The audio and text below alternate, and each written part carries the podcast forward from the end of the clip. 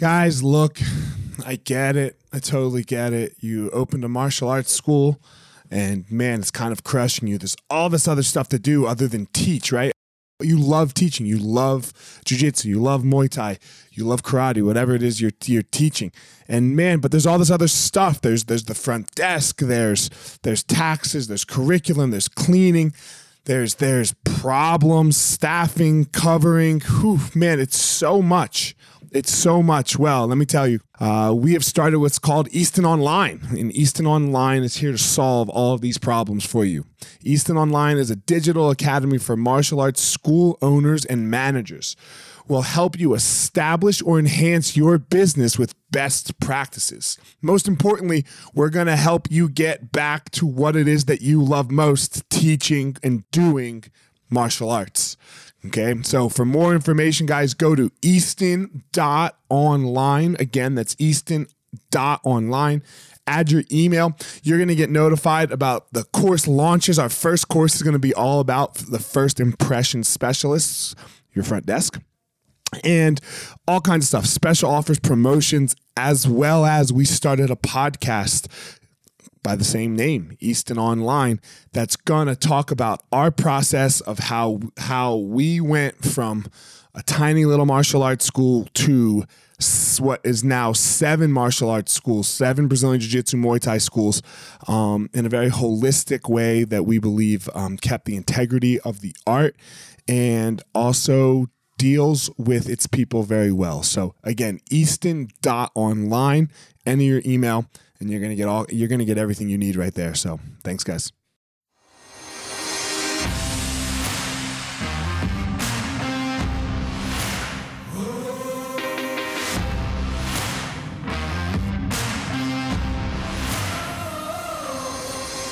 What's up, my ninjas? This is former UFC fighter Elliot Marshall, and this is the Gospel of Fire, where we are going to learn how to go into the fire so that we can find our power and live the best life possible.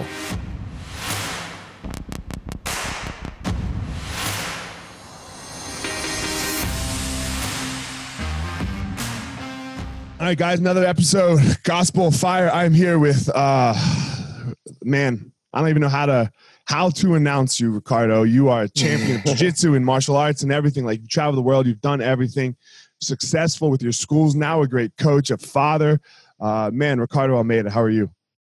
Very good, man. So excited to be here. You know, we've um, we've shared so many experiences, and you know, we've had uh, you know been around each other. Like your teacher Amal is like a great friend, someone I hold dearly, and and you know, I've watched you come up and always hearing your teacher talk about you, and to see the things you're doing now, and you know, watched you on the UFC and you know watch you know you coaching you know it's a, it's it's incredible to watch you know it's amazing. It's a fun ride right? It's a fun ride episode. We were just saying like right we we've shared so many of the same experiences. You were you were like a generation ahead of me. You were like the i don't know i talked to jamal the other day uh, a couple weeks ago patterson you know? And he and like you were one of the ones that he was watching and that i was watching coming up because we he and i were the same generation of like jujitsu fighters coming up through the through the day you know? Yeah absolutely you know and and and and and that's the power of this whole thing with jiu-jitsu and and you know us being so lucky to have the teachers that we have had you know it's uh we're just a link in the chain man you know like and and, and i'm as grateful as i am for my teachers you know you know initially carlinhos and Renzo of course and I'm excited to to for the guys that I've grown up with, like Amal. Like I met Amal in Brazil, you know, and when I was a, like a little kid, and then and then like our my my training partners or you know my peers, students like you and and you know and Finney and some of the boys out there in Colorado. Yeah, man. Tell me, tell me what it was like for you. What was your experience like uh, com- coming up as a? You started as young, right? Like, how old were you when you started? I mean, I started young, but it's kind of late, you know. Like I started when I was 15. Right, um, that, that, that's late in Brazil, and that, that I guess that's normal now. I mean, you know, the new generation of guys, you know, like if you watch, uh, you know, like the Mendes brothers, you know, like there's there's there's pictures of them competing as like yellow belts, you know, like uh, some right. of the guys now started like so much younger than than I did, you know. Um, but yeah, coming up in Brazil was was great, man. I, I I was so lucky, you know. Like right place at the right time. I was lucky that you know my dad wanted me and my brother to train martial arts. I actually started with karate first, and then my friend that I went to high school with, Marcelo, he trained at Gracie Barra, and Gracie Barra was like walking distance from my house. So every day I'll come home, you know, do my homework, maybe go surfing a little bit, and come home, get changed into my gi, and walk to Gracie Barra. And I walked in, and you know, there's Carlos Gracie Jr., there is Renzo Gracie, um, you know, Gordo, Soneca, like all the uh, was were brown belts, um, like Roleta, Soca, Draculino, all these guys were purple belts, and and it was just like a small little group that man like now almost everyone is somewhere in the world with you know like a huge influence on what jiu-jitsu has become for sure so you're you're i mean you walked into the school on an everyday and which was normal for you. And for for all of the jiu-jitsu uh people now you just had like a you just named a who's who of just like who is hanging out in the school for you. Like man that's that's amazing that like what uh such a such a connection to the roots of uh of brazilian jiu-jitsu. Yeah man and you know it's i i think that you know again right place at the right time like when i think back at the time that i started you know like uh, gracie barra had this huge you know competition with like Carlson Gracie Academy, you know, and right. like growing up in Rio at that time, there was maybe like four major schools. There was there was Gracie Barra, there was the Carlson Gracie School, there was Royler Gracie School. There was a little bit smaller, but he always had like you know incredible guys. And then there was uh, Master, which was a uh, you know Jacare School, you know that's okay. where Fabio Gurgel and uh, Alliance and and then all these guys came from. And Carlson Gracie was from Murilo Bustamante and Valigi and and Liborio and like all these guys came from, you know. But because Gracie Barra was like a newer school compared to those schools, like we had like no black belts, man. You know, like when I started training, Master Carlos was the only black belt, and then besides Master Carlos, Renzo was another black belt when I started training and Renzo was already like running his own school, and and we, we would never see him in the night classes because he was also teaching. But sometimes where was ha- where was Renzo's school? Renzo's school was Ipanema. You know, like it's like if from so from Barra. You guys have been to Brazil. Rio is like cut up in sections by the mountains. You know, and you typically driving through tunnels or like around mountains so Gracie Barra is maybe like two tunnels from from Ipanema, and then like maybe a couple of towns from Copacabana, where uh, Carlson Gracie's school was, and Tijuca is where, or Humaitá is where um, Royler Gracie's Royler Gracie's school was, which is also you know a couple of neighborhoods apart. So you had this like epicenter of jiu-jitsu, probably no more than no more than you know maybe like 20 miles apart, like all these right. schools. And but you know, so you were you were, city. Yeah. You so you were in Barra, correct? Yeah. That's where you lived. So who was your main teacher? What was who was who was mostly teaching you at the time? Was it Soneca? Because I know Soneca used to teach a lot of the kids, but you were like in that weird age 15 where like you're not quite a kid, but you're not quite an adult. Like so who was who was really teaching you the most? Yeah, I never took the kids classes, man. You know, like I was 15, so I was too big for the kids classes. Like originally okay. at Gracie Barra, we had like a like a mat upstairs for the adults and a mat downstairs for the kids. So my original teacher was Carlos Gracie Jr. You know, my first okay. class he was teaching, and as the years progressed, and you know, uh, Gordo got his black belt, and Soneca got his black belt. Like a lot of times they will run classes. Um, Veio, Eduardo Lima, you know, he started yeah, teaching yeah, some, some of the basic classes. I took a lot of classes from Veio. I mean, I learned so much. Like I think the guys that I learned so much were for sure Gordo and Soneca because you know they were like just sort of like technical leaders within the group. You know they were more experienced. They were already like you know black belts. Then you know Soca, Draculino. Draculino later on moved, but I remember you know learning from Draculino. But definitely Soca and you know Marcio Feitosa too. Feitosa was like man, he was like I hated him so much because he was like two weight classes below me and when I started training, he already had like four years of training, but we became blue belts together. And he was a green belt. And I had just started jiu-jitsu and we became blue belts together. I mean, I go, I remember winning nationals as a blue belt in the like the, the under 18, like the 17 uh, mm-hmm. group. I won the nationals like my first year competing. and Marcio won the nationals. We are both blue belts there. I'll come home and I'll, and train at GB, and they might as well. Be, I might as well be a white belt. Like he was just killing me. Like it took me so many years. It wasn't probably until I was a black belt that I was able to. And so much bigger than Marcio, you know, to bridge the gap and be able to have a training session where, like, I'm like, all right, like I could go technique for technique with this guy, you know. Where you're in the game yeah, it was just like man, it, it was so hard. Like he, he, I hated him so much. Like you know, the the I hated to train with him because he made me feel so inadequate as far as my technique. Dude, I have we had a guy like that, man. Unfortunately, he's uh, he's passed now, but he was. uh we call you know when I, when I started, we had all these Daves. We had like thirty Daves, so we had like Big Dave, Anakin Dave, weightlifter Dave. Like, so this is this guy named Big Dave. And he was like the highest ranking kung fu master in between the Mississippi River and California. So oh sometimes, God. like, li- yeah, dude, sometimes literally, because he did kung fu his whole life. Like, we'd be out and people would like walk up to him, like in town that like did kung fu and they'd be like, "Oh, Master Perry," and they would bow to him in a restaurant, and we'd be like, "Who the fuck?" Right? Like, what's going on? you know? And so anyway, he would. I mean, he he lived a very interesting life, uh, but he started like he had like six months on me, and that's it. Like not much, six to eight months. And bro, I just couldn't understand it. Like this gap bridging thing that you're talking about. Like I would train every fucking day twice a day, like fuck going to college, everything. And he would come in and train for like two weeks straight. And then he'd take two months off. Dude, it wasn't until purple belt. Years. It took me like what's what, how long does it take to get purple belt? Three years? It took me three years to bridge a six month gap.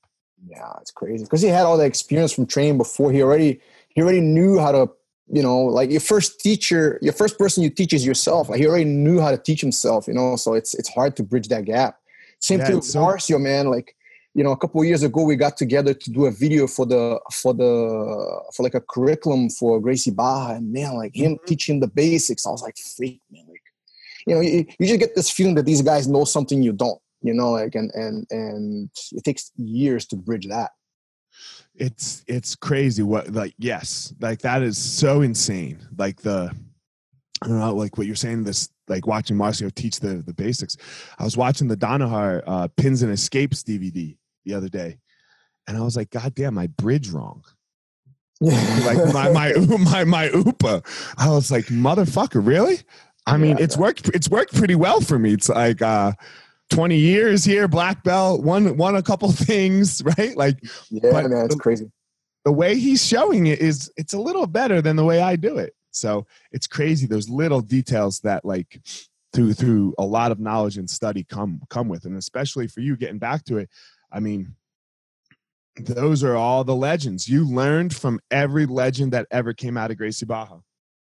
Yeah, man. Like the way I kind of look at it, you know, it was like uh I don't know, man. It's like a, it's like a, uh, like an escalator. You know, like the when the when the stairs go up, it's you know I mean. Like somehow I got lucky to just kind of land on this little escalator, which was Gracie Barra at the time, mm-hmm. and you know, it just kind of sent me upward and forward. Uh, yeah. You know, and there was nothing I could do about it. If I, you know, unless I hopped off, I was going up and forward. You know, and and some of the people that I have trained with, man, it's it's it's crazy. You know, like I even looking back at Marcio and, even other kids, man, that used to smash me. Like I was never. I like to think that I'm pretty athletic, you know, like, but I was never the most talented, like within that group, like by any means or any stretch. You know, there were so many kids, there was so much greater than me, but I just kind of kept coming. I just kept, you know, like I was competitive. I wanted to do good, and and and it, it pushed me to to have a type of life that I never imagined at the time. You know, like now people are like, yeah, man, I want to be a jiu-jitsu instructor. And, you know, you figure it out and you open a school, you're successful. Like back then, it wasn't like that at all, you know? What was it like?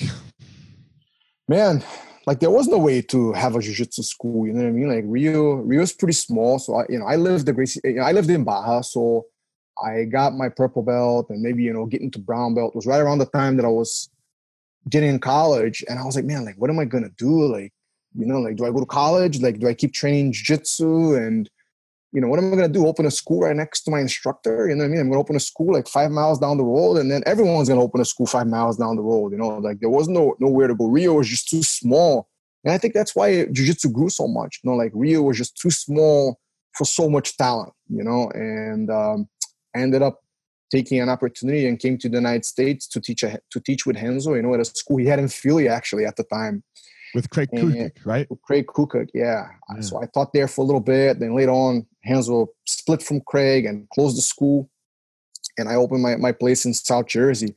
But you know, to be honest, like back in those days of where we were, it was all about competition, and and it wasn't so much about growing jiu-jitsu as it is today. You know, so I think that people who train now, like training is a lot more inclusive, you know, as it should be. You know. Um, like more as many people as we could get on the mats like is not enough you know like there's so many other things that people do that you don't get the lessons and the benefits the physical mental and even spiritual benefits of just kind of you know having someone sit on top of you and squeeze the heck out of your neck and, and then you tap and you realize that you're not invincible and but also that there is room for improvement and and you know there's a clear way for you to get better and if you just keep coming you will yeah people you know uh for me, I think jujitsu is the number one thing that can improve someone's life.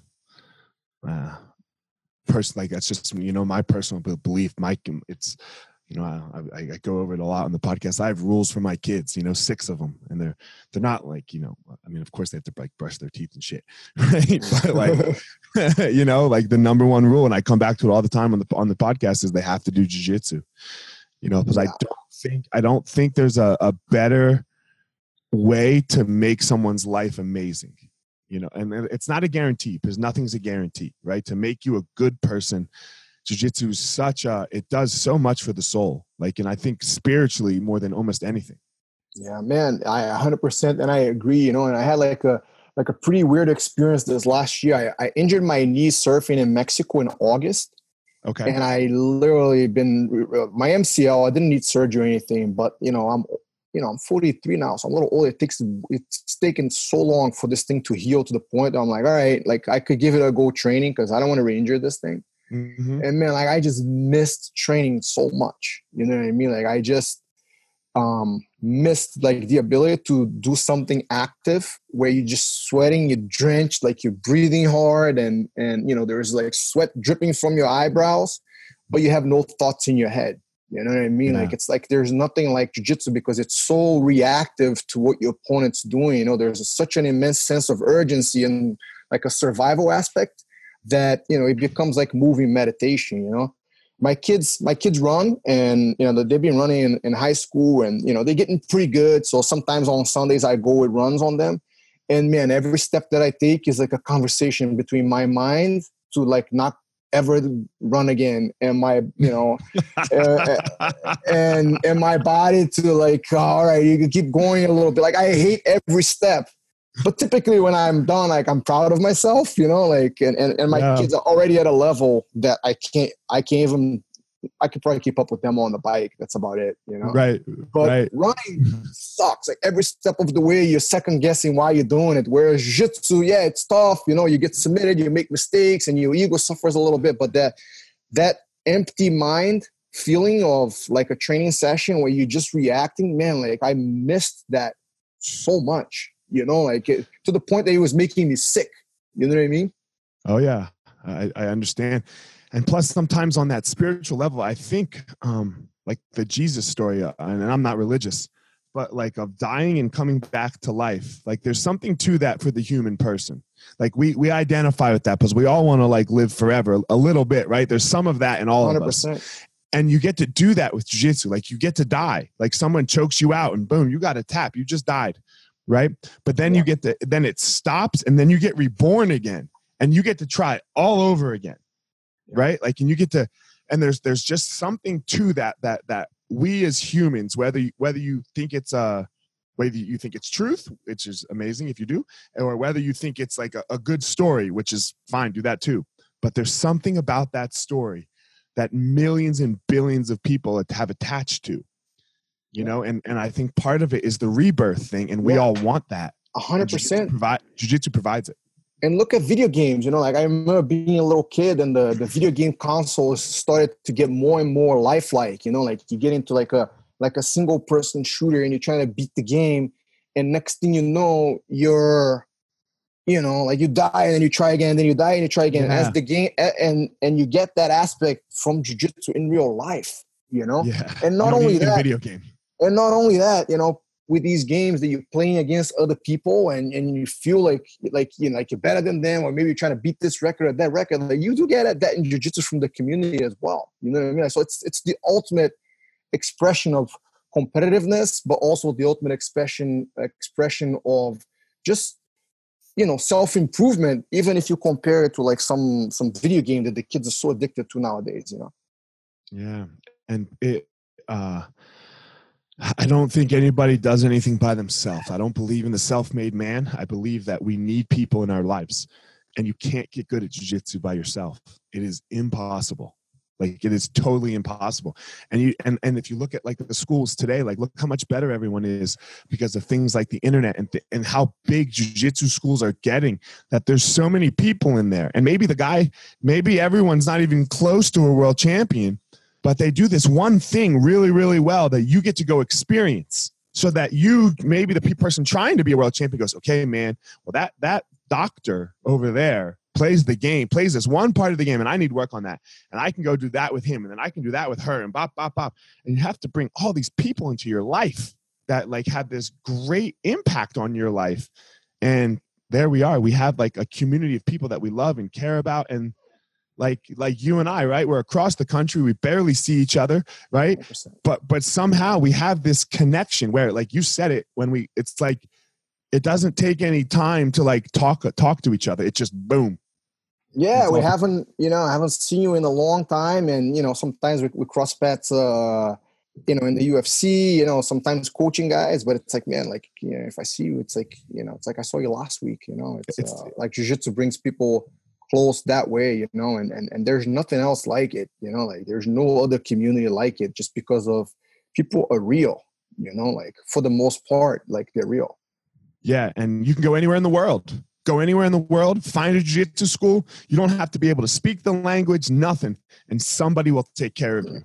right? Somebody will take care of you. It's it's the amazingness of jiu-jitsu. It's so amazing um, so you, when you moved to America, were you just competing in jiu-jitsu at the time or did you have your sights set on MMA? So man, when I moved here, there was um, like the, the landscape for martial arts, right? Like many of the guys nowadays don't even know it, but like I remember opening a black belt magazine and they had a section on there that they sold like uh, ninja out like ninja gear you know from from the claws to climb walls through through through like you know the throwing stars and and you know the landscape. There was no BJJ fanatics, and there was no like no man, no, MG no. Online and Mendes Brothers, and no, that was that didn't exist. no, it was like people didn't even know what we did. You know, like, they, like it was like you know back when I first moved, you know, there was no tournaments in the U.S. You know what I mean? Like, I fought at the first Naga I fought at the first Grapplers Quest. You know what I mean? Like, and I was like, man, I gotta go do these things because that's the only way that I'm gonna keep sharp, so I could go back to Brazil and compete. Like my first. I remember year, watching you. I remember watching you fight in super fights at the first at the. Yeah, at the my first my first year yeah. here was '97. I had to go back to compete at the nationals in Brazil, and it, as a brown belt, and you know there was no competition here in the United States. There was nothing like it. Then '98 ADCC came so I stopped going to Brazil and I completely like abandoned competing in the gi and I just started doing the ADCCs, you know, and then doing doing you know super fights and Grapplers Quest and stuff over here in the US just to just to keep in shape, you know. And uh, but yeah, there was nothing like that, man. Like we had no rash guards, man. Like our no gi class at Renzo's, it was with um, it was with uh, gi pants and some cotton shirt. Like the first ADCC and even the first couple ADCCs, we went and you know they would get these guys that sponsor you like hey here ricardo you know here's like five grand here's ten grand you're gonna wear this this sponsor shirt. I guess the the sheiks all like betting against each other and picking teams you know like a fantasy like a fantasy ADCC yeah. here's 10 grand wear this t-shirt. It was a cotton shirt. It wasn't like these collar matched really cool rash guards that you know the guys get nowadays with their names on it you know what i mean? Like mm-hmm, super mm-hmm. professional and, and and that's what we were like. We train and we, we train either we take your shirt off or you train uh, some BFT and uh, and uh, gi pants. That's it. Right. You know? and, and, even the even the rash guard and board shorts like that, that comes from surfing, man. You know what yeah. I mean? Like 100% it comes from surfing, from how close the culture of surfing is in Rio. Uh, you know, guys started wearing, you know, board shorts and rash guards to train no gi, you know. That's even if you did no gi. You know, most people back in the day wouldn't even train without gi. Yeah, it was it was unheard of. I used to hate no gi, and now I love it. It's no, I, like it way better than the gi. but um, uh, but so so that's when you came, and you were were you were you solely focused on jiu-jitsu at that point in 97 or did you did you have your sights on MMA did you always have your sights on fighting in MMA man to be honest no like I never wanted to fight MMA you know like I always felt like it was um you know what I mean like yeah well, I'm gonna go punch this guy in the face and get in get in, get in some fist fight with some dude that I never you know, I, don't have any hate for this guy. You know what I mean? Like back then, everything was like personal. You know, there was like kind of like no money involved in the sport at all. And even later on, you know, the UFC had just got taken out of the pay per view. You know what I mean? It had this aura of of just barbarism and stuff. You know, like, and I, I never felt like that was like a cool thing for jiu-jitsu. You know what I mean? Like, I've always felt like like it served its purpose for you know for Rorion and the guy to do to, to do the challenge matches, like to just showcase the the true uh, effectiveness of jiu-jitsu. But I always felt like there was more to jiu-jitsu than just its effectiveness in you know hand-to-hand combat. You know, like the stuff that we just kind of talked about before. And I would have loved even back then for things to start being seen that way. But you know, first you have to create the revolution, and then you create the evolution. You know, and uh, no, I never felt like I was gonna fight. And then in 2000, Ryan Gracie was fighting Sakuraba in Japan, and me, Ryan, and Luca Atalla, who you know was the the editor of Gracie magazine. We went early to Japan. We were for two weeks in Japan. Got to train with Rickson, you know, and it was an incredible experience. And five days before the Pride fight was gonna happen, one of the Brazilian guys got hurt and had to pull out. And Ryan goes like, "Man, why don't you jump in?" And then you know what, what was it? What was I going to do? What you going to say to? Right? yeah. And Luke he was not like, yeah, saying, man. "Why don't you jump yeah. in?" He was telling you to yeah. fucking jump in, right? And then you know they like the the promoter uh, was like, "Man, I'm going to call Brazil. I'm going to get these guys." And then Luca like, "Yeah, you know, Ricardo's here." You know, they just kind of like started like egging me on, and I was like, "All right, I'll do it. No problem. If Renzo thinks I'm ready, I'll do it." And that's it. That was my first Pride fight. So and, your first fight was in Pride my first fight was in Pride with like a three days notice. It was because I didn't yeah. have too much time to think about it. you didn't have too much time to get too scared, right? Yeah, exactly sometimes it's the worst. Too much time, right? Like, man, if somebody broke in your house right now, you'd be fine. Fuck yeah. that dude up and roll out. It's crazy. But eight weeks, right? Eight weeks to think about a dude. Yeah. Like he could be, he could be fat, rolls on his neck, and you're like, dude, man, look yeah. at his chest. That monster grows in the closet. I mean, you'd have yeah. plenty of fights, and you start thinking about that guy for eight, 12 weeks, and you know, towards the end, you know, if you're not careful, he just kind of takes over you, you know. Yeah, you it's it's a slippery balance. that we'll talk about in a second. So, and then after that, like, uh, you you just what? You just like liked it? Like, I mean, obviously, you know. Like- yeah, no. Like, I fought, and you know, like I made okay money. I think I made like ten grand. You know what I mean? Like back then, I was like twenty years old, but I was making more than that fighting the ADCCs back then. You know what I mean? Like, so it wasn't like anything, and and bro, it was two 10 minute rounds with Akira Shoji, who was a really tough Japanese guy back then. You know, it wasn't it wasn't something I was looking forward to doing again. So you had no warm up, right? Like there's no warm up. You didn't get like, man, everyone gets a tomato can their first fight. No, man. No, no weight class, two 10 minute rounds, you know, like, like it was crazy. And we go back to this was like late uh, 2000, right? So I, we go back, we come back to, we spent New Year's there. Renzo had some stuff. We spent New Year's there. I come back to the US. And again, going back to the escalator upwards and, and forward, you know, we're back training Renzo's uh, back above the methadone clinic. And man, I'm hitting the bag a little bit. And next thing you know, you know, this bald headed guy walks in. I mean, back then he wasn't bald headed, but this guy walks in, or these two guys walk in, and um, yeah, I mean, who's this guy? You know, I had these guys talking to him. Those are the guys that just bought the UFC. They're here to try to, you know, they're trying to sign Renzo. And it was Dana and Lorenzo. uh, Fertitta, Dana White and Lorenzo Fertitta. Uh-huh. And they're over there trying to sign Renzo, but you know, I think at the time Renzo wasn't looking forward to coming to the US and, and, and Renzo goes to them, hey man, listen, like I got a contract with Pride, like I can't leave Pride, but I got these two kids. You should sign them to the UFC. And it was me and Matt Serra.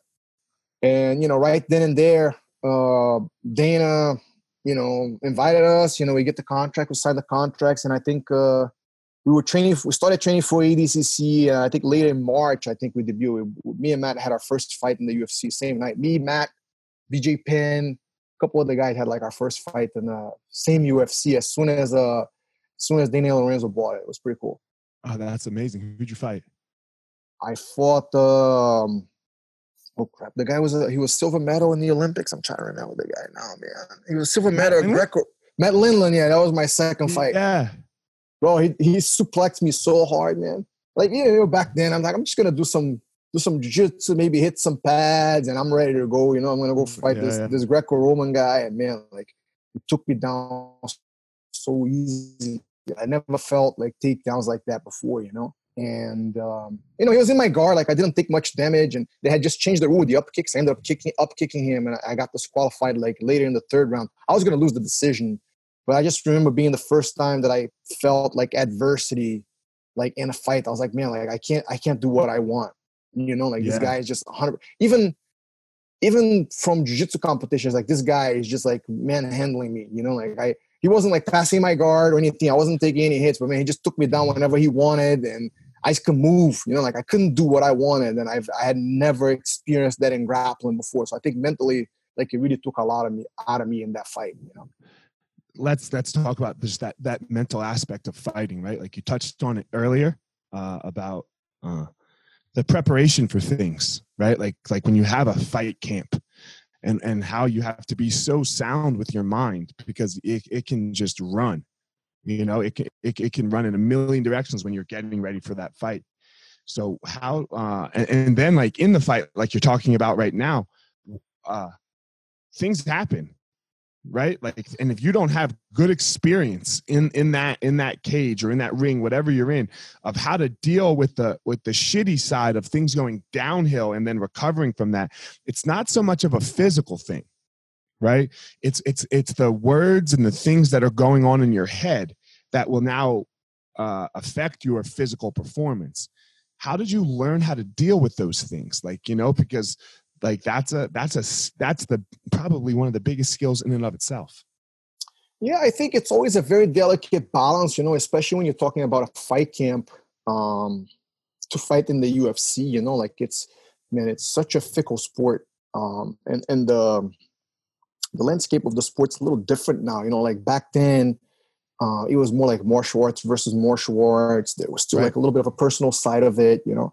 But you know, I think that it's um, for a fight camp you want to strike a balance between you know how much you push yourself you know in a fight camp uh, meaning that the type of training partners that you have you know i mean so that you're experiencing uh, enough of a challenge from these guys but you're not you know getting destroyed every sparring session and you know next thing you know you're going into a fight like you used to getting destroyed you know what i mean i mean it, it, probably many people would people would have different uh, answers to this question, you know. But like for me, I always like to have guys that are pushing me. You know, I'm getting tired, I'm getting hit, I'm getting taken down, but also I'm there's the other side of the coin also, like a balance between you know I'm also taking guys down, I'm also you know you know dropping guys when I hit them, and you know. So you have enough confidence, but you've also experienced enough adversity. So when you go into the fight, you can focus on you know trying to do the things that you do well but if things go wrong you could come back from from uh from like a deficit in a fight. You know what i mean? Like, that's just kind of how i think.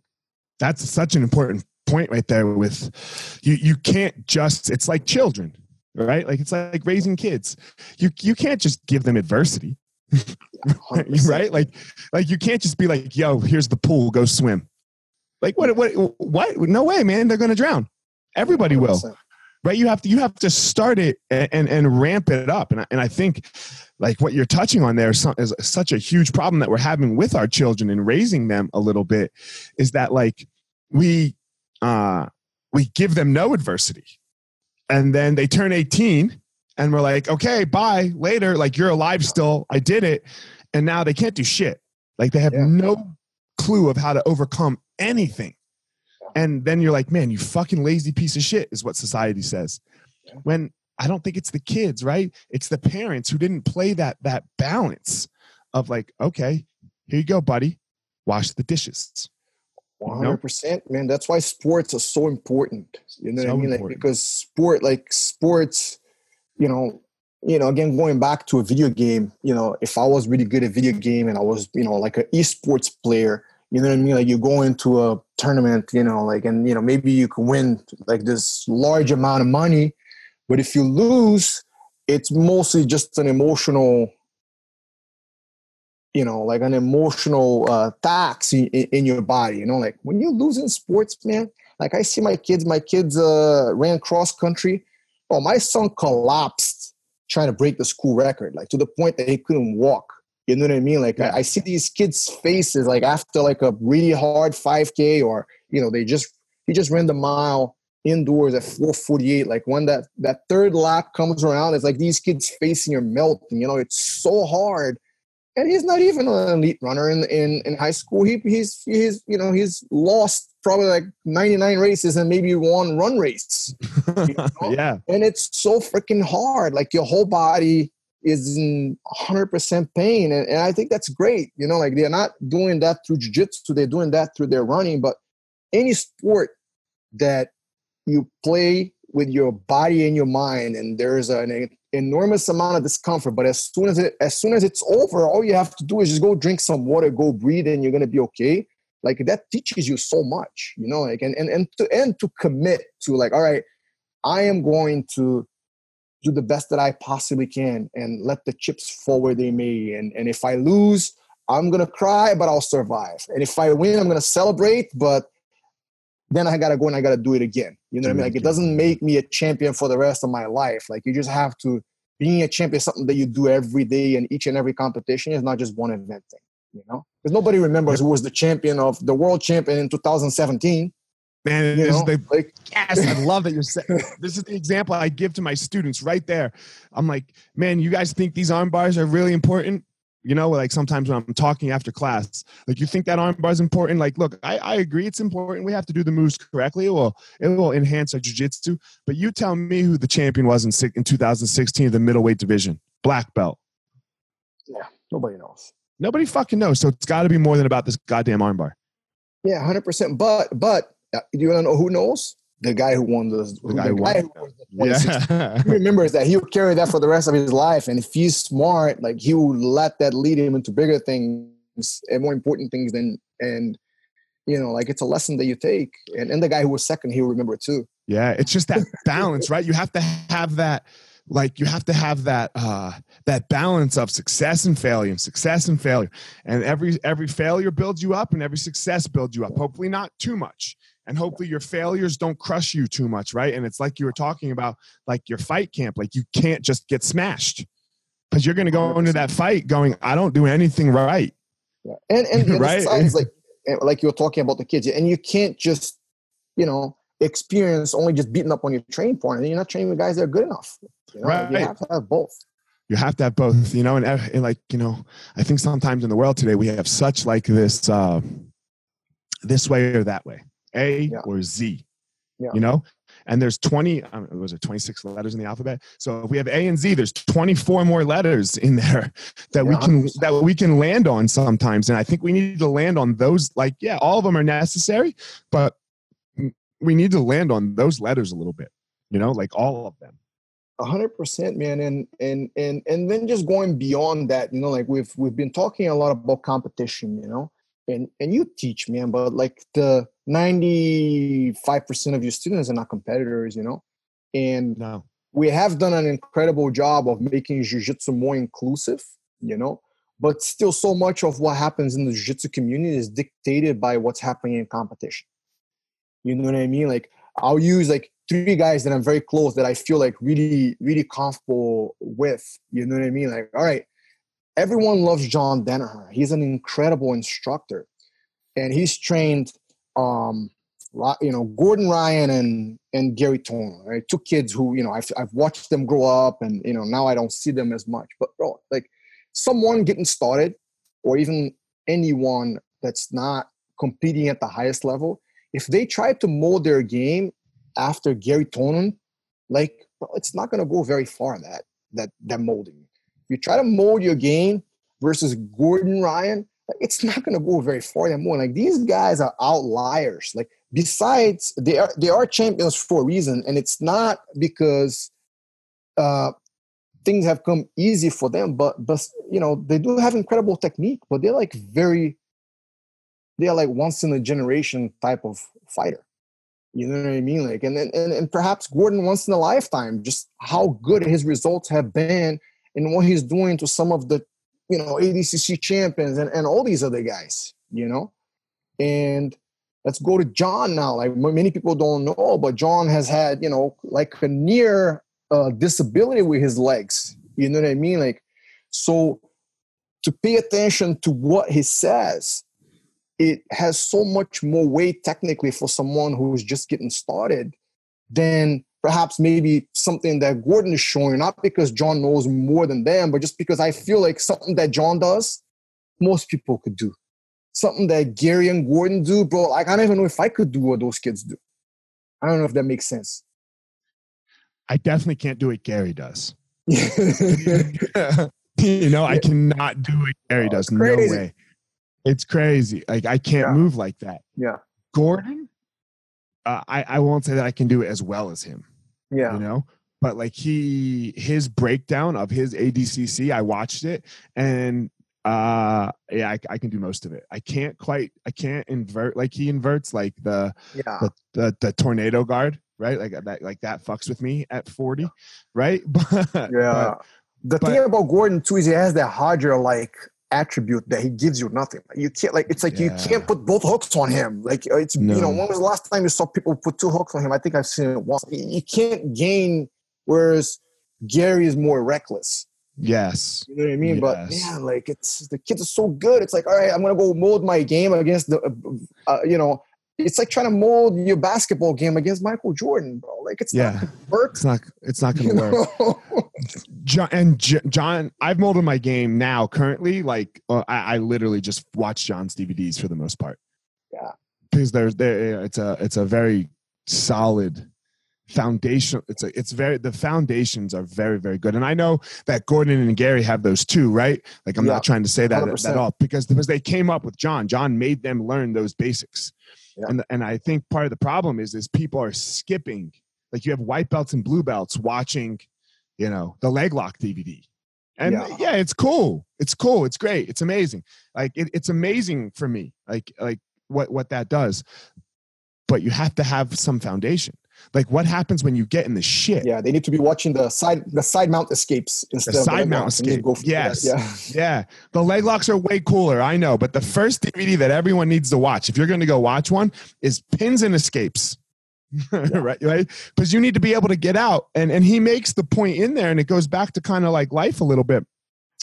Like, man, remember when you were a white belt or a blue belt, and you you had a good armbar from the closed guard?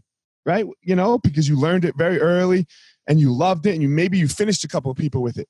But man, you won't you stop doing it, right? Because you're like, fuck, man. So I got this good armbar. But if I miss it, I'm fucked. Because when he passes my guard, then then I don't know how to escape the side control. I, I, flail. I get really tired escaping the side control. I don't want that to happen. And then boom, downhill because you you have no foundation. You have no basics. Where like, man, once you have a foundation, once you can escape every position and like in life, once you can know how to deal with whatever's coming your way, you'll try anything. Yeah. Yeah. Right? You'll, you'll, you'll try anything. Ah, watch this. i am gonna try this fucking I'm gonna try this crazy move. I'm gonna spin and blah blah blah. Oh man, fuck that. I fucked up. I'm mounted. Word, no problem. Yeah. Here I go. But but then just going back to the culture of jiu-jitsu in general, you know what I mean? Like I, I don't want my students to feel like I look at them any less if they can't move like Gordon and Gary. Right. It's I mean? Like point. it's like it's like if you go to like you guys are in Colorado, I imagine there's a ton of skiing out there. I mean, just off the top of my head. And and it's like, man, you don't go to the ski resort, wherever is the closest ski resort where you live, and everyone is doing moves like Shaun White. you know, it's not the X Games. People are just going down the hill gingerly and hoping they don't die. I'm You know? man. And and and I'm sure if you go for the slopes, you're gonna see guys killing it. But like everyone is having a good time.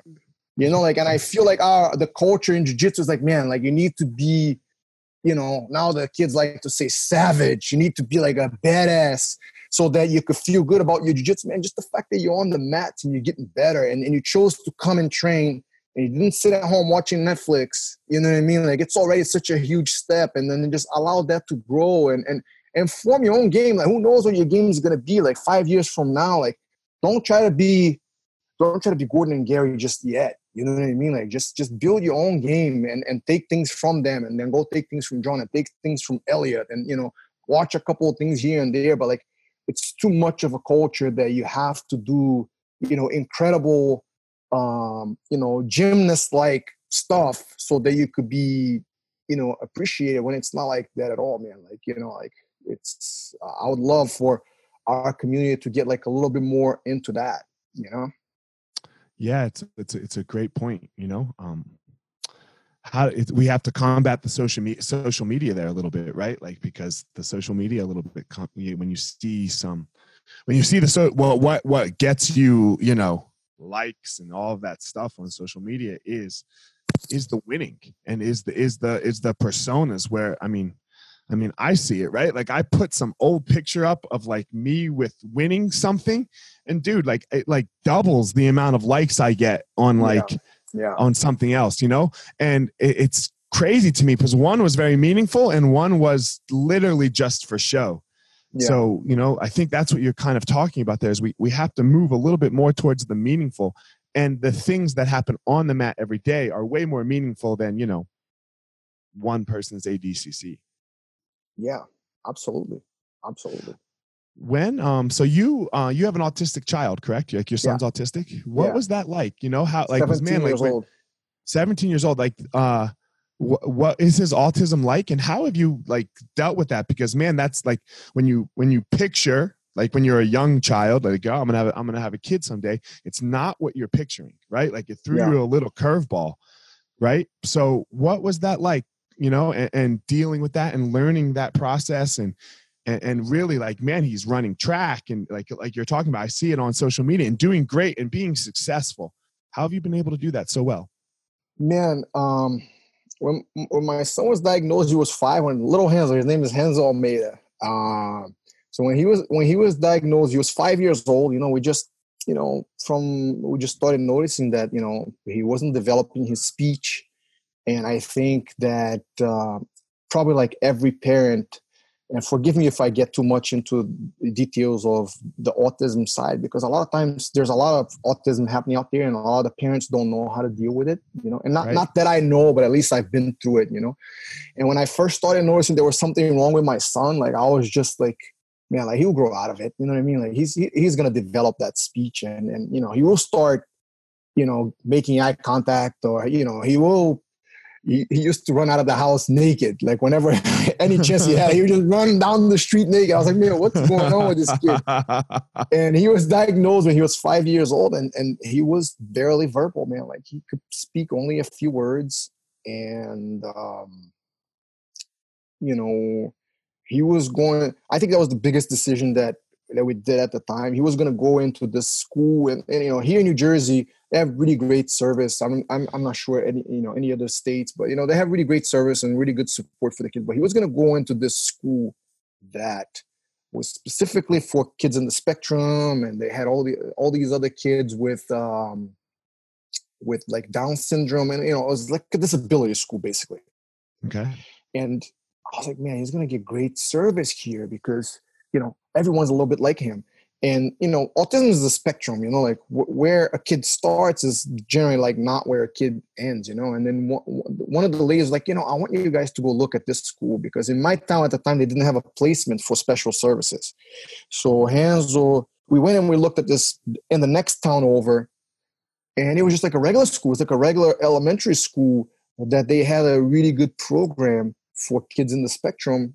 And i was like man like i, I don't want Henzo to be in a place where all the kids are just like him. Like I want him to be in a position where he's pushed. Like he might get bullied around a little bit, he might get made fun of a little bit, but as long as I know that the, the, the teachers are supporting him, that he's getting his occupational therapy, that he's getting his speech therapy, that he's, you know, that you know they're working with him uh, to move him forward. Like I'm okay with him being, you know, starting this race in last place, but he needs to to be in a he needs to be in a race. You know what I mean? Like, and that was probably like the best decision I've ever did for my son. You know, there is a boy that used to be in class with him that like to this day, this boy only communicate through through like a iPad, through like an iPad. You know, he can't he never developed like the speech. And Hanzo, you know, slowly but surely progressed. You know, like if you if you meet him now, like he's very quirky and he still struggles with socialization and he'll he'll he'll he'll ask like what what what's your birthday and he'll tell you like the day of the week that you were born. Like he has like crazy incredible math skills, like his memory is like out of this world. But man, he struggles, you know, like and, and he struggles now so much with being on the gray line, right? Because autism is a is a spectrum. Like he like he can do a lot of things. I mean, he just ran like a, a 448 mile, you know, which is is not an elite time by high school standards, bro. Bro, it's it's faster than probably anyone you know that's not a real runner. You know? Faster than me, man. and you know, he qualified for states uh, for cross country. He was the first one from his school to do it in like six, seven years. You know, like he's doing some incredible things athletically. He was the homecoming king, which speaks a lot more about the type of school that he's in and the community they built in his high school than it does about that's him. amazing. in a way i think you know like they've been incredible uh the type of support and love that he has at high school. But man i've just you know i've i've put him in jiu-jitsu. I believe jiu-jitsu is incredible for, you know it's been incredible for both my kids.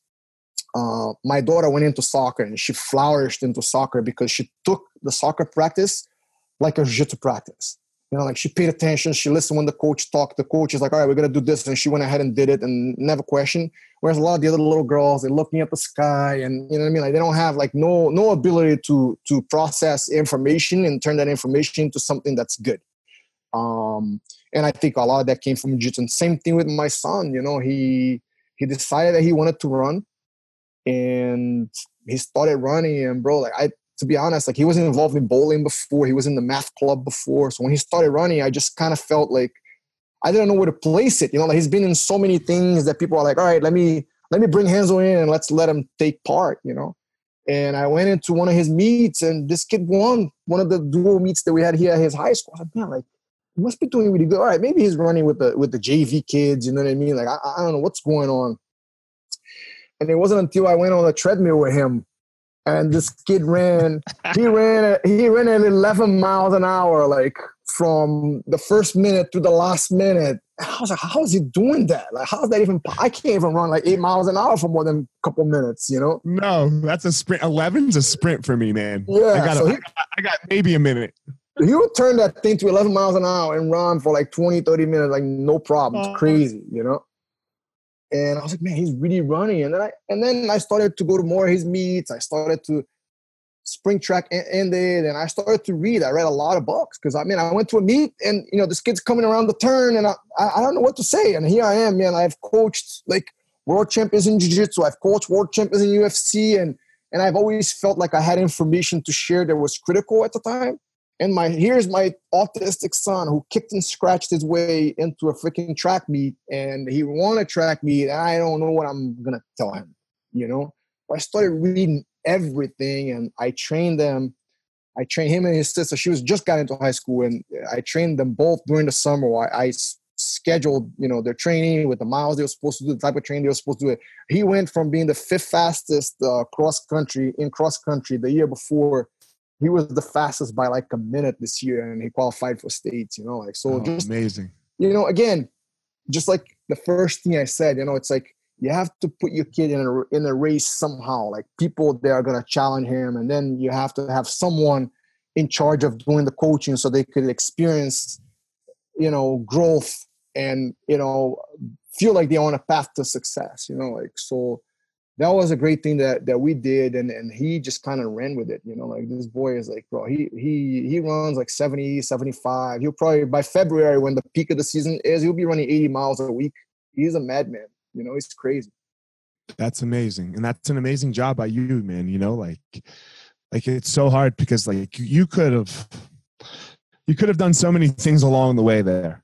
Like so many choices where it's, it's like ah okay he's autistic throw him in the autistic school. And you'd still love him right? You'd still yeah. love him, but you wouldn't you wouldn't have anything with him. And now now you have this thing with him that's so like in you talking right there at the end about how like uh like you learned track, right? You learned cross country like about yeah, but you're right. I have no clue what to say when someone's coming around the turn. That's like somebody in a fight like, and this is one of my biggest pet peeves. Someone's in a fight and they're like, and the coach is telling them, pass the guard. Yeah, well, no shit. Yeah. Right? Like, no, no kidding, pass the fucking guard. I'm in the guard. The only way I'm gonna win this match is if I pass now. How about you tell me what to do? Yeah. right? Like 100%. how should I pass the guard? And like you taking that time with your kid to be like to learn track. So you can be like, yo, Hansa, you gotta, I don't even know what terms are, but like you you learn those things that you yeah. could like really help and not just be a cheerleader. Yeah, 100%. I wanted to, you know, it's you know, I feel like with kids, you know, just like when we teach the little kids, right? Like you kind of get down to their, you know, if they're real little. So if you just kind of get on your knees and you get eye level with them, like, you know what I mean? Like they feel more comfortable. It's not as intimidating. Like they get closer to you. So with my kids, again, you know, I try to, I try to inject strategic, strategically times that I, I get into their world instead of them coming into my world, right? Because the Jiu-Jitsu Academy has always been my world. They come to Jiu-Jitsu, they love it, they do the practice. Uh, but man, like I feel that for my kids, being the being the kids of the professor, you know, like it's always put pressure on them. Whereas when they run, like there is no pressure. Like I'm just a crazy parent screaming on the sideline. I don't know what I'm doing you know like and and and they're the ones running and suffering like so the, it's on them like the power is on is on is on their hands you know what i mean like so me going to running it has created a medium that i could interact with them that it wasn't imposed by you know these 20 something years of jiu-jitsu that i've had like nobody's looking at me like you know nobody's looking at them as oh you know let me see what those kids are doing because they're the kids of the professor you know what i mean like yeah. they've they are allowed to grow without the spotlight being on them and that's been invaluable. So for all the parents for all the professor dads out there like it's very important that the kids train. I agree 100% but like there's something the kids need to do that will allow you to enter their world. Like it doesn't matter their what world. it is. it could be it could be craft it could be you know for people that are religious it could be like going to church. Like I, i'm not also you know or it could be right. a book passion for reading or anything that your kid likes that he or she wants to do like a chance for us to go into their world and, and, and then just let them be the experts. And we are just like they're clapping and supporting you know and being cheerleaders. But the fact that i had to coach them and then build like a very uh, a very special relationship with them you know it's been so much fun. But they had to develop that first on their own. Like you couldn't have been their running coach in the in out of, out of the gate right? Yeah, like you, yeah, and I'm you I'm not their you know I'm not necessarily their coach. You know what I mean? Like right. I try to I try to like hey listen listen to your coach at school and but when right. you come home you're gonna do what I tell you. right. it's so hard. I've coached world champions and and I know what training looks like and what you guys are doing. Like you need to do a little extra. That's all. Yeah, it's so hard. It's you know like I I. I've struggled. I think everyone struggles with that balance. Like right now, I'm trying like like my kids are much younger than yours. I have a, a 10 and a six year old. So like, you know, like jujitsu, like they're still doing jujitsu for sure. And they have to, but I'm not there. Like I've removed myself from their jujitsu where if they got jujitsu questions for me, then we do it like at home or like if they want help before class, like we play and do all that. But I am not their teacher because I, I don't want them having that pressure uh, of like me bearing down on them in class and then everyone's looking at like like exactly what you said like man they go to a tournament like like you know and then all of a sudden there's like 30 more people around the mat because they're my kid or they're your yeah. kid and you're like yo man he's eight years old he does not need this pressure yeah. right like just let him do a fucking tournament he's got nothing yeah. to do with me Yeah, my daughter So- did a tournament, man, and she did great. She lost both matches, but she was so coachable, and she fought two kids with way more experience. You know, in the kids brackets, like you never know what you're gonna do, Right. Yeah. you know.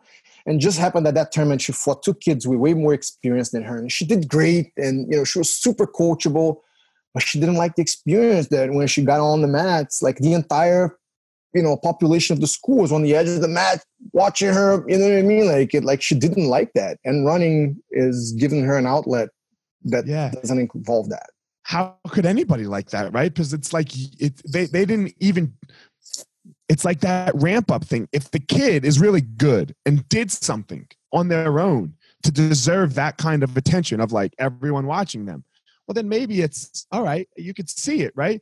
But all of a sudden it's their first tournament. They've never done this before. And because of yeah. who their mom is or their dad is Yeah. or their grand whoever now now the whole tournament is watching them. It's like yo i didn't i didn't sign up for this. I just like wh- why are you i don't know you and it Yeah. gets it's too much it's too much Yeah. and them finding their own medium that you had to be the beginner at is man that's such a cool story man you know and you Yeah. took something that looked like a a very huge problem right with your son's autism you know and you turned it into something amazing like really really amazing that's that's a great story man like i think uh god if every parent could hear that i think we'd all be better i'm gonna be a better parent you know because like damn it's still it's still happening you know it's a learning process and uh you know i i've man i've been lucky with with my kids i feel you know like they've they've had so many so many choices that they've made right that i i feel lucky with them more than i feel like i've done like good parenting you know like i think from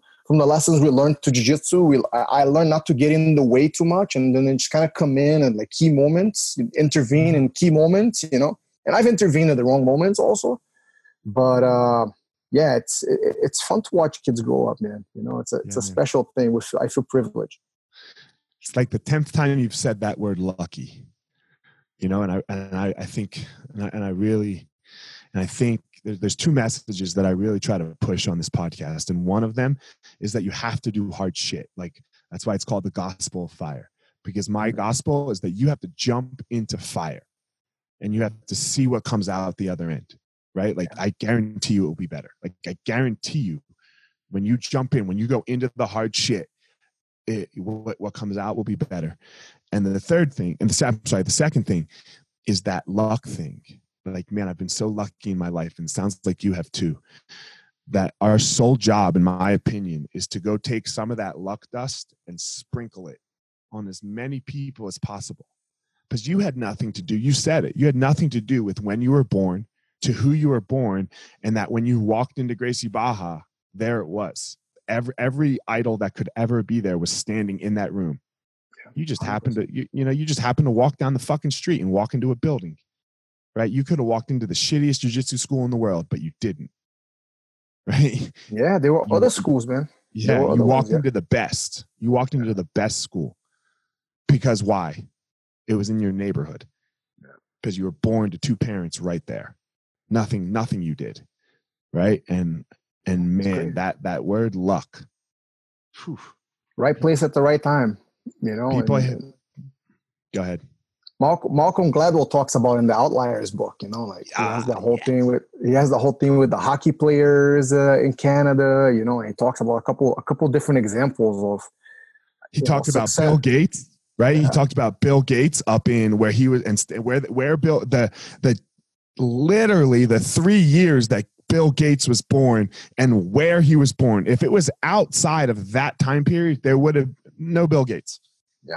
A hundred percent, and and and that spread so much because, man, your lineage, you know, Amal came to Brazil, man. You know, he Amal was with us in Brazil. I remember, I remember Amal getting hassled by the police, like driving his little beat up, beat up freaking uh, Volkswagen, Volkswagen Beetle, like a green car or some crap like that. I was like, man, what is this gringo doing? Like the police are gonna freaking turn him upside down. I remember being a teenager and walking by him and the police hassling him, man, uh, on the on the right on the on the street that we turned into the academy, and and, and he's gone to Colorado, and look at where you know where you guys are with all the schools out there, and you and Feeney and, like, and all the boys. You know, it's it's it's such a powerful thing. Bro, I was coming to Colorado because I wanted to ski and it was the number one party school in the nation. And I could convince my mom that it was a decent math school.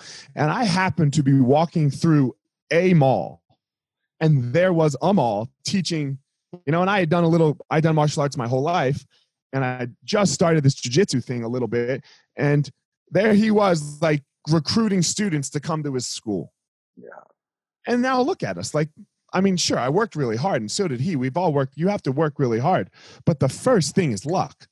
Like the the very first thing that ha- I mean, why was he in Boulder, Colorado? What if some asshole jujitsu teacher was in Boulder, Colorado, and that's where I signed Yeah. up? You know. Yeah. So, all right, man. I really appreciate you doing this, uh, Ricardo. Like, uh, tell everyone where they can reach you um, on, on social media. Like, like give give some shout outs and and do yeah. Tell everyone where they can connect with you. Man, Ricardo Almeida. If you type Ricardo Almeida on, on Google on social media, it's only gonna it's probably gonna show up a bunch of Almeidas because it's very common Brazilian last name. But the main ones are gonna show is me and the the guy who builds suits in Brazil. But uh, just add like BJJ next to it, and you're probably gonna find me. You know, like um, yeah, I'm always trying to share techniques and you know some of my views and the way I see the world. You know, and uh, yeah, if you guys have any questions or anything, I'm around for sure. Man, thank you so much for coming on. I really appreciate it. Um, I will send you all the links and stuff when the podcast comes out. And uh, man, much appreciated. Uh, you you were one of the ones that I was looking at, right? Like you were you were part of my north star to like look up at and be like, okay, that's that's what I'm going to shoot at. So, man, I, uh, things that things Thank that people man. could never things that people that could never repay. Thank you. Thank you, man. It was thank you for the opportunity and good luck. And uh, yeah, definitely looking forward to uh to watching that. Thanks so much. Sounds great, Ricardo. Thank you very much. Have a great day. All right, guys, go out there and uh, find your power. All right, everyone. Thanks for listening to this episode of The Gospel of Fire. If you enjoyed the episode, I'd love a review on iTunes or wherever you are listening to this podcast. Don't forget to follow me on social media at FireMarshal205. If you are a BJJ enthusiast, check out my YouTube channel. I put all kinds of instructional DVD uh, videos out on there, so go check it out. My book is still out on Amazon by the same name as the podcast, The, the Gospel of Fire. So if you are interested, go check out that. And most importantly, guys, go out there every day, find your power. Thanks a lot.